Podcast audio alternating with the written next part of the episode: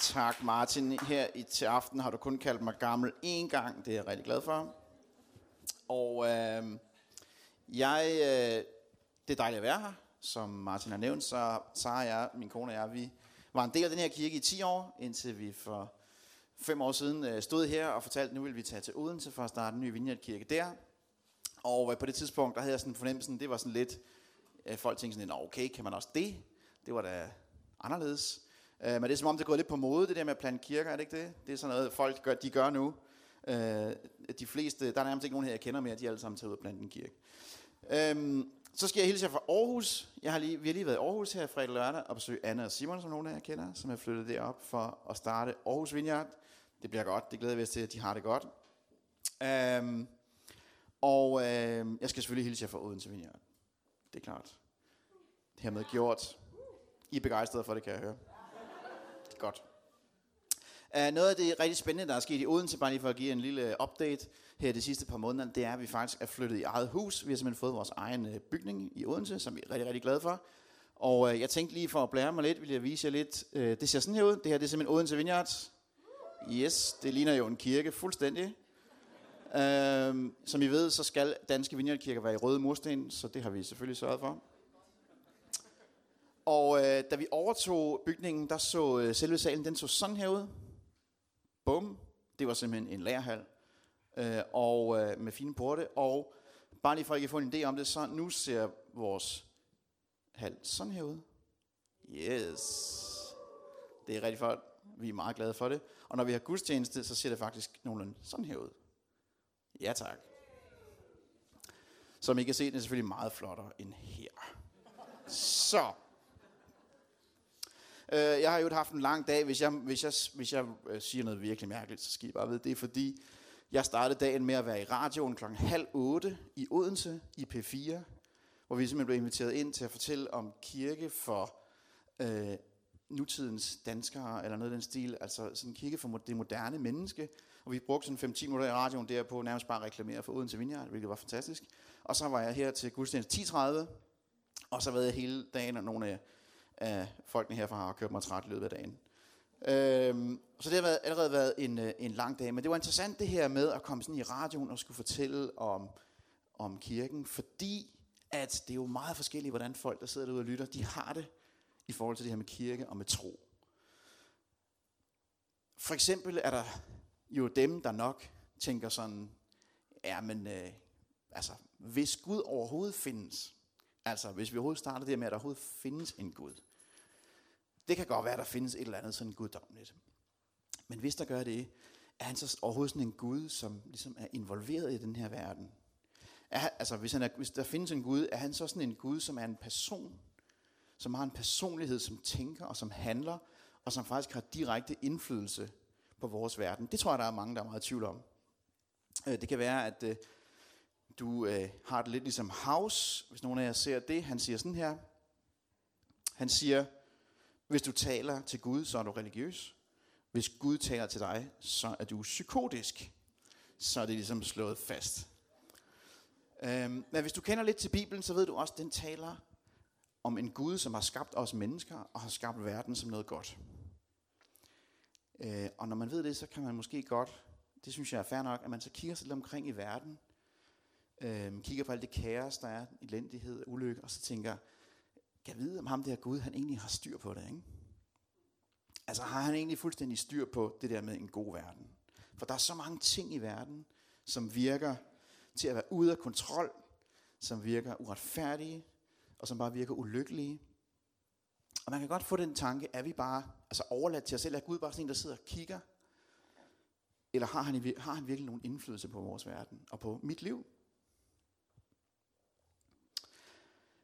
Men altså, hvis vi, hvis vi kigger i Bibelen, hvad siger Bibelen om Gud?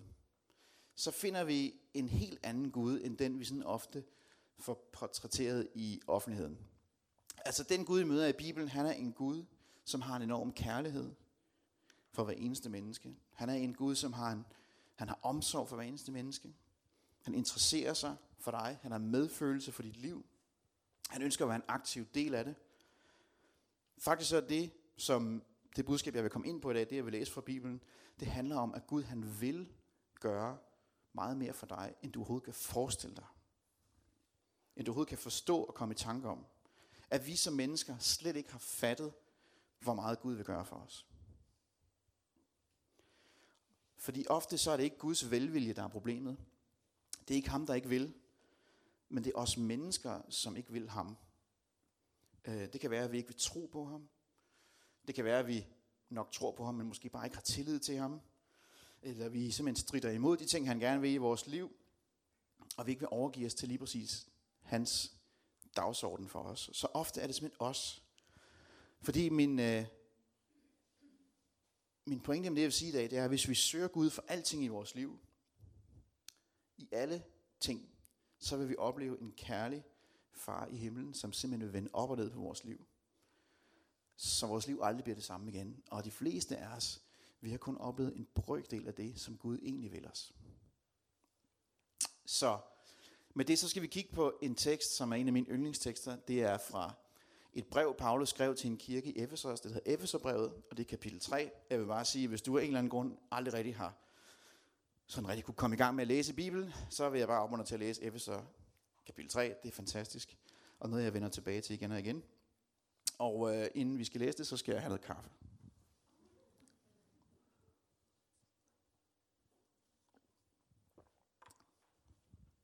Godt. Det jeg vil gøre, det er, at jeg vil læse. Jeg har otte vers, som jeg gerne vil læse. Og jeg læser dem lidt ad gangen, og så siger jeg lige lidt om, hvad det egentlig er, Paulus han siger, for ligesom at, at vi får det sådan lidt i, lidt i bidder. Jeg håber, det er okay. Så siger jeg, ja Thomas, det er okay. Det er godt. Godt så. Lad os starte med vers 14. Det kommer her. Når jeg tænker på storheden og visdommen i Guds frelsesplan, må jeg bøje mine knæ for faderen i taknemmelighed og lovprisning, starter Paulus. Han starter med at sige, Guds frelsesplan, den er simpelthen noget helt fantastisk. Altså den idé om, at Gud, han kigger på den her verden, og så siger han, jeg bliver simpelthen nødt til at gøre noget. Jeg bliver nødt til at gøre noget for at hjælpe den her verden. Og det han gør, det er, at han sender sin egen søn til at komme til den her verden og gennemgå et liv i lidelse og dø på korset for at besejre døden og al ondskaben. Det er simpelthen hans plan. At Gud han er ikke en, der lader os i stikken og bare sidder tilbage og siger, det er også deres egen skyld, eller dømmer os, men at han er en, der redder os. Og Paulus han siger simpelthen, når jeg tænker på det her, når jeg tænker på, at det er det Gud, han har valgt at gøre, så bliver, så bliver han helt, man kan mærke, at han bliver sådan helt rørstrømsk, ikke? Han bliver sådan helt, han, jeg må bøje min knæ, ikke? Han bliver helt øh, følelsesmæssig, ikke? Taknemmelig. Han, han bliver rørt, han, bliver, han må bare øh, lovprise, ikke? Og jeg har det selv sådan, at jeg er ikke sådan normalt sådan en, en mand, der græder en hel masse øh, over ting, der sker i mit liv, eller følelser, eller jeg er sådan, øh, det er ikke, det, jeg er ikke så let til tårer. Lige bortset fra en ting, og det er, når, når det handler om noget med Gud, når jeg kommer i tanke om, hvem Gud er, eller bliver berørt af noget Gud han gør, så græder jeg simpelthen som en toårig barn, som en pisket. Fordi det er så ufatteligt, når man lærer Jesus at kende, når man opdager, hvem han egentlig er, når man opdager, at han er simpelthen kilden til livet selv. Han er simpelthen svaret på den tilstand, verden er i. Det er ufatteligt. Så det er ligesom det, at Paulus han starter. Så er vi ligesom i gang. Ikke? Så forestiller han om Jesus, så siger han, han er et forbillede for et hvert faderforhold i himlen og på jorden. Og det er ikke os alle sammen, som bare associerer en far med noget helt fantastisk.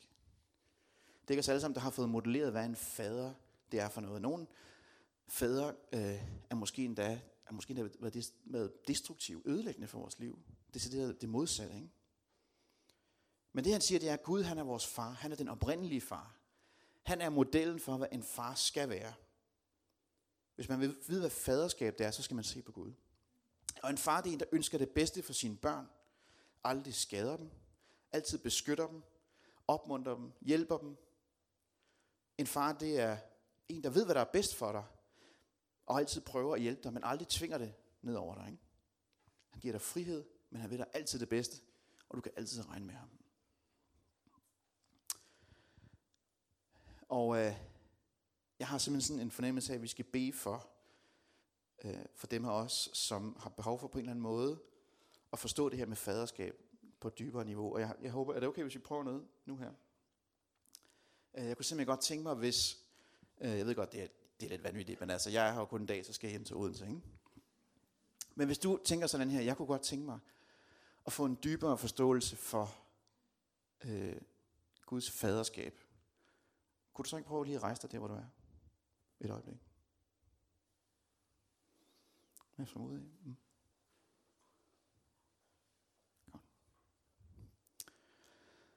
Så beder jeg bare lige en bøn for dig. Jesus, jeg beder for dem, der har rejst sig nu her. Jeg beder om, du vil møde dem som en fader.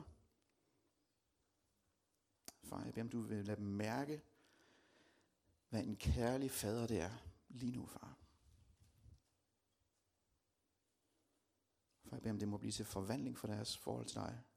At de ser dig på en ny måde. Jeg beder om Jesu navn. Amen. Tak skal I have, fordi I var med på den. Så fortsætter han. Jeg beder om, at Gud ved sin hellige ånd og i kraft af sin mægtige herlighed vil give jer stor indre styrke. Og om at jeres tro på Kristus må være af en sådan art, at han kan have fast bopæl i jeres hjerter. Så Paulus han siger, Gud han er den gode far. Og hvad er det så, han ønsker for os? Hvad er det, han vil gøre for os? Hvad er det, hans formål er? Og det, som Bibelen fortæller os, er, at det, som Gud først og fremmest har givet os til hjælp, det er ham, som vi kalder Helligånden. Og det er Guds kraft. Det er Guds herlighed. Helligånden er sådan et sådan meget kristent navn, ikke? Han bliver også kaldt for hjælperen i Bibelen, han bliver kaldt for vejlederen. Øhm, og det, som han vil, det er, at han vil give os styrke indefra. Og det er noget af det, jeg elsker allermest ved at tro på Jesus. Det er, at for ham der er det ikke alt det ydre, der betyder noget. Det handler ikke om, at vi skal være, det hele skal være enormt pænt og flot og poleret. Og vi skal være enormt fromme og sige pæne ting hele tiden. Vi skal have det hele tiden se godt ud. Det er ikke det, som troen på Jesus handler om. Det, som Jesus han vil med vores liv, det er, at han vil forvandle os indefra og ud. Han vil simpelthen berøre vores hjerter og forvandle vores liv indenfra, sådan så det til sidst kan ses. Og det her, det er det, som Paulus han kalder for indre styrke. Ikke? At det er det, Helligånden vil. Han vil give os indre styrke. Og det er simpelthen det, tror jeg, som alle mennesker, de dybest set længes efter. Altså, vi længes ikke efter, at alt det ydre, det bare er perfekt, og vi har det forfærdeligt indeni, vel? Tværtimod, vi længes efter, at vi indeni har det fantastisk, uanset hvordan vores liv det ser ud. Og det er det, som han vil i vores liv.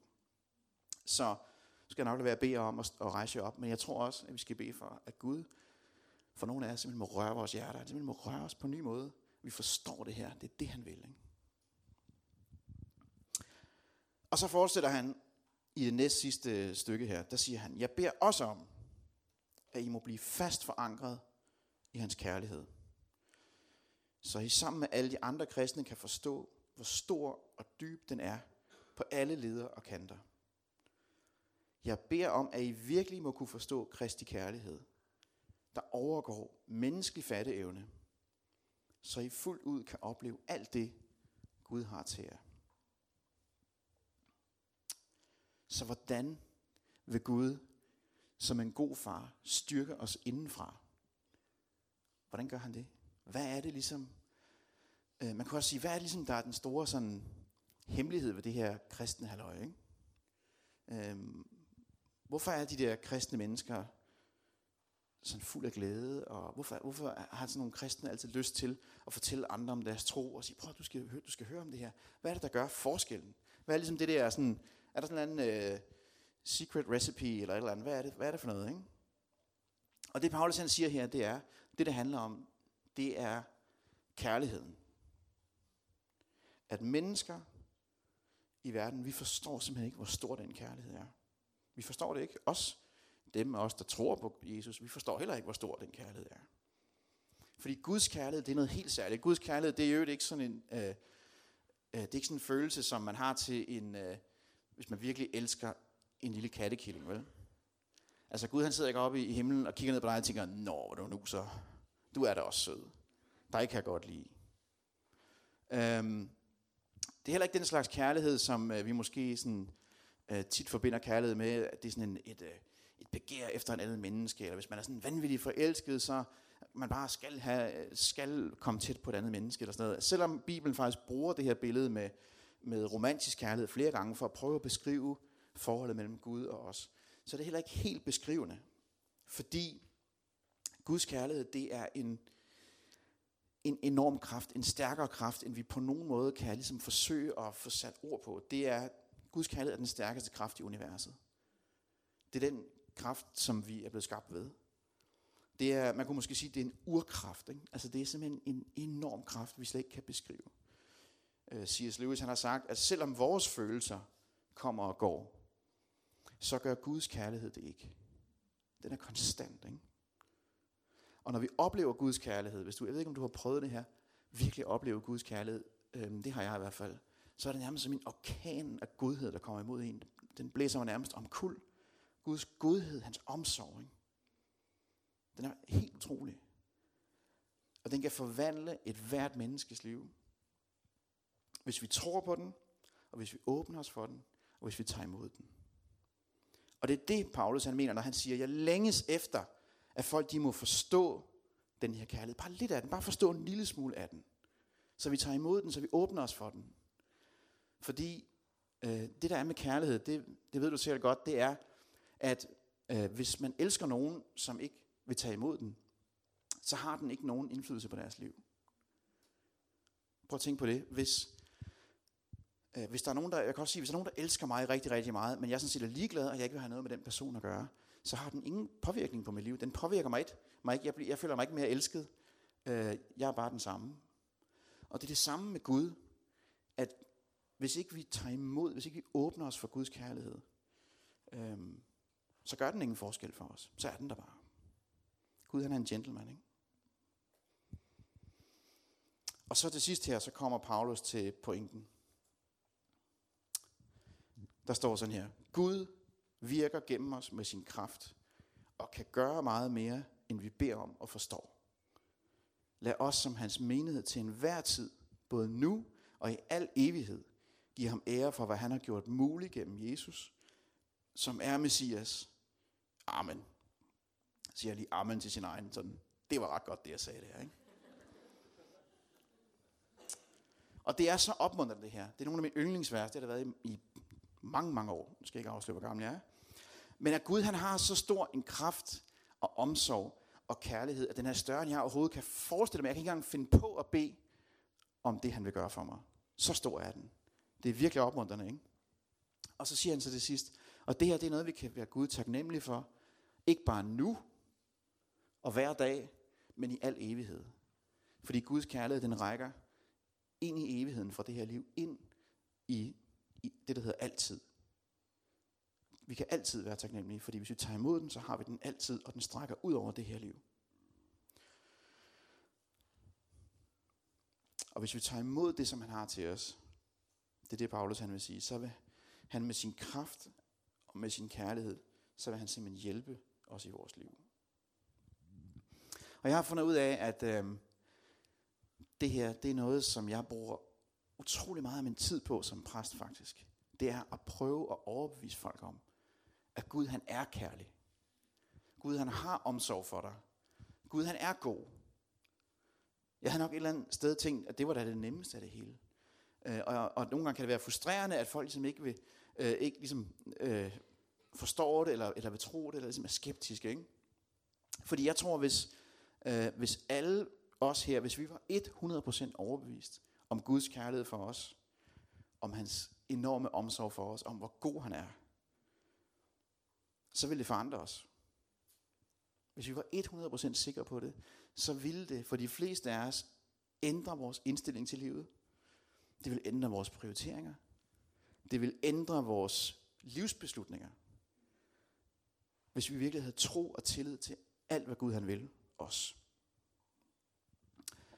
Øhm, og det her med at lade Gud komme til, jeg har selv haft en, en, nogle oplevelser med det de sidste par uger, som jeg vil prøve at dele lidt med jer. Øhm, jeg har haft en periode, hvor jeg har oplevet, ligesom at Gud han har, hvad skal man sige, peget sig lidt på mit liv og sagt, øh, Thomas, der, du skal vokse i nogle ting. Og faktisk så, øh, nu leder jeg jo en kirke i Odense sammen med min kone, og han har sagt, hvis den kirke der, den skal vokse, så skal du vokse, Thomas. Og det er jo rigtig dejligt at få at vide, og så tænker man så, ja, men hvordan? Hvad mener du? Øh, sådan er det altid godt i teorien, ikke? men helt anderledes svært i virkeligheden. Øh, men det har jeg oplevet en stykke tid, og jeg har prøvet at finde ud af, hvad er det, Gud han vil. Og så var jeg afsted på en øh, konference i England her for nogle uger siden, øh, og det er altid et godt sted ligesom at, at få lidt ro på og finde ud af, hvad er det, Gud han siger til mig. Øh, og det endte med at være sådan en konference, hvor nu sagde jeg det her med, at jeg ikke var så nem til tårer, men det, det var sådan en konference, hvor jeg hver eneste møde, jeg var til en hel uge, der sad jeg og tudede til alle, alt hvad der blev sagt i mikrofonen. Ikke? Åh, oh, så var jeg helt sådan. Åh, oh, jeg tænkte, de må tænke, at jeg er vanvittig. Ikke? Uh, men jeg var simpelthen dybt berørt, og jeg oplevede igennem det, der foregik. Gud, han talte helt klart til mig. Han pegede på noget i mit liv, som han simpelthen sagde, det her, det skal du arbejde med. Og hvis jeg skal prøve sådan at, uden at gøre det til en lang, øh, uden at gøre det til en lang sådan rådgivningssession med jer her, så bare fortælle, hvad det er, han ville sige, så var det, han sagde, Thomas, du skal være mere følelsesmæssigt tilgængelig, når du er sammen med mennesker. Altså, du skal ikke bare have en professionel overflade, være god til at smile, håndtere mennesker på en god måde, være opmuntrende og sådan god at snakke med, og, men du skal være bedre til at vise de følelser, du reelt har indeni, når du er sammen med andre mennesker. Og det gælder i dit ægteskab, det gælder i, med dine venner, det gælder øh, med dem, du leder i kirken, det gælder også, når du står med mikrofonen du skal vise de følelser, du har, og tur at være den, du er. Det kom faktisk til et punkt, hvor, øh, hvor jeg sad på knæ til de her møder, og var meget berørt over de ting, der blev sagt, hvor jeg oplevede, at Gud han sagde helt klart til mig, sådan her, lyder måske lidt mærkeligt, men han sagde sådan her til mig, når du ligesom trækker dine følelser lidt væk, og ikke lader andre mennesker se dem, så bedrøver du simpelthen Helligånden, sagde han. Og det udtrykte noget, som Paulus faktisk bruger i Efeserne 4, lige præcis det her udtryk. Så det er jo nemt nok, ikke? Bare at være mere tilgængelig følelsesmæssigt. I virkeligheden så er det ret svært, hvis man hele sin opvækst har lært, at det at vise ægte følelser, det er sådan lidt kikset, ikke? Altså det er sådan lidt pinligt. Det skal man helst ikke. Man skal helst lige have et filter på, sådan så man kan styre, hvordan folk opfatter en. Det kan være, at nogle af jer, der kan genkende det. Det er det, jeg har lært hele min øh, opvækst. Så det er rigtig, rigtig svært det her. Det er faktisk noget, der kræver øh, al min øh, sådan, styrke og mod og energi at prøve at sige, okay, nu prøver jeg at være mere åben, tilgængelig følelsesmæssigt. Ikke mindst øh, over for min kone, for eksempel. Øhm, og selvom det kræver så enormt meget af mig, så, så har jeg bare fundet, at jeg vil det her. Ikke? Fordi jeg vil ikke bare status quo i mit liv. Jeg vil ikke, at mit liv bare skal fortsætte, som det altid har været. Jeg vil det, som Gud vil gøre i mit liv, det vil jeg også. Så det vil jeg gøre plads til, selvom det er smertefuldt, det er besværligt. Jeg vil simpelthen gøre plads til det. Øhm, og der er simpelthen et eller andet i mig, der vil det modsatte. Ikke? Der er noget i mig, der ikke vil. Der bare helst vil droppe tanken og tænke, det var nok ikke Gud alligevel.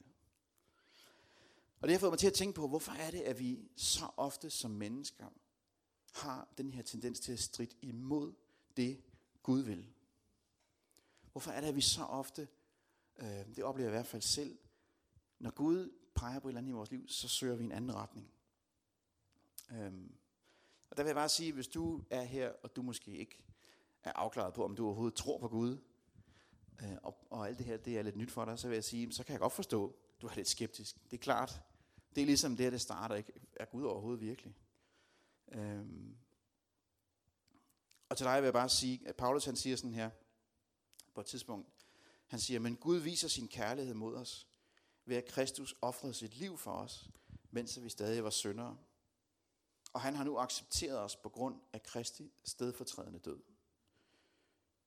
Med andre ord, det er ligesom her, det starter. Det starter ved, at vi forstår, at Gud han har, givet, han har givet alt for os. Og det kan være, at du aldrig nogensinde har taget imod det, og det, det vil jeg give dig mulighed for at gøre senere, og på en eller anden måde give respons på det. Det er ligesom der, det hele det starter. Ikke? Øhm, men det kan være dig, som, som tror på Gud, du også kan genkende det her. At vi sætter barriere op i vores liv. Um, den netværksgruppe, som jeg leder i øjeblikket, vi gennemgår noget materiale af en mand, der hedder Nicky Gumbel. Og han siger sådan her, han siger, at det er faktisk muligt at leve et liv i tro, men gå glip af mange af velsignelserne ved at tro. Og grunden til det, det er, at det at tage imod det, Gud har til os, det kommer ikke bare automatisk, men det kræver faktisk også noget af vores viljesbeslutning. Det kræver nogle gange, at vi, at vi vil tage imod det, som Gud vil give os. Fordi Gud, han ønsker fra det øjeblik, at du kommer til tro på ham, så ønsker han at fylde dig mere og mere med hans kærlighed. Han ønsker at forvandle dig mere og mere indenfra. Altså den her indre styrke. Han ønsker, at hans helligånd skal bruge mere og mere hans kraft igennem os. Og han skal blive ved med at udvikle os indtil den dag, hvor vi simpelthen kommer hjem til ham, og det bliver fuldt ud realiseret. Så når Paulus han siger, at vi skal blive fast forankret i hans kærlighed, at vi skal forstå, hvor stor den er, så er det for, at vi skal få lov at opleve alt det, Gud har til os. Men alligevel så søger jeg meget ofte alle mulige andre dagsordner og går i alle mulige andre retninger. Øh, min kone Sara, hun læste et vers for mig her for en uge siden, hvor der stod noget i retning med, at øh, Thomas, du skal jo bare følge efter Jesus, så kommer resten jo af sig selv. Så jeg ved ikke, om du tænker lige så meget, jeg tænker, jamen det er, rimelig, det er faktisk rimelig svært det der med bare lige at følge efter Jesus. Ikke? Men min pointe er, at vi kan da i det mindste lade være med altid at sætte en masse barriere op for det, han vil. Altså når Gud kommer til os og vil os noget, kan vi da i det mindste lade være med at modarbejde det. Øhm. Fordi mange af de ting, som Gud vil i vores liv, de, de er tilgængelige for os. Og jeg er simpelthen øh, nået til et punkt, hvor det jeg prøver at gøre, det er, at jeg prøver at lære at sige ja til Gud. Hele tiden. Både i de store ting i livet, men også i de små ting. Hvis der er et eller andet, jeg oplever Gud, han ligesom på en eller anden måde prøver at sige til mig, at jeg så prøver at sige ja. Og det kan være, at han sådan øh, prikker mig lidt på skulderen og siger, Thomas, øh, måske skulle du prøve det der bøn der. Det vil være noget tid siden. Det var det en idé. Eller det kan være, at han prikker mig på skulderen og siger, måske skulle du prøve at læse lidt i den der bibel, jeg har hørt, den er meget god. Prøv at åbne den en gang imellem og kigge i den. Eller måske skulle du prøve at dele det, du har oplevet med Gud, med, med den ven, du sidder og snakker med lige nu. Det kunne være noget. Det kunne være, at det ville være en hjælp for ham eller hende. Øhm, eller Thomas, det kunne være, at du skulle prøve det der med at gå i kirke. Det er meget fedt, har jeg hørt. Man får noget med hjem. Eller måske skulle du være med i en netværksgruppe. Eller Thomas, måske skulle du lige nu bare stoppe op og så bruge noget tid på at tilbe mig. Det vil være rigtig godt for dig. Eller måske skulle du prøve at tage imod min kærlighed, Thomas, i stedet for at gøre dig selv så hård hele tiden. Og jeg prøver at sige ja. En mand, der hedder Wesley Duell, som er missionær og teolog, han har sagt sådan her, Gud venter på, at du kommunikerer med ham. Du har øjeblikkelig direkte adgang til Gud. Gud elsker menneskeheden så meget, og på en særlig måde sine børn, at han har gjort sig selv tilgængelig til hver en tid. Og det er det, øh, som jeg gerne vil frem til med alt det her, det er, det er helt simple, at Gud han har så meget mere til dig, end du allerede har oplevet. Uanset om du har oplevet lidt eller meget. Gud han har ufattelig meget mere. Langt mere end du forstår. Langt mere end du kan forestille dig. Så lad os bare lige bede et øjeblik, og så slutter jeg af bagefter. Øh, Gud, jeg beder for dem lige nu, som har en længsel efter at få mere for dig.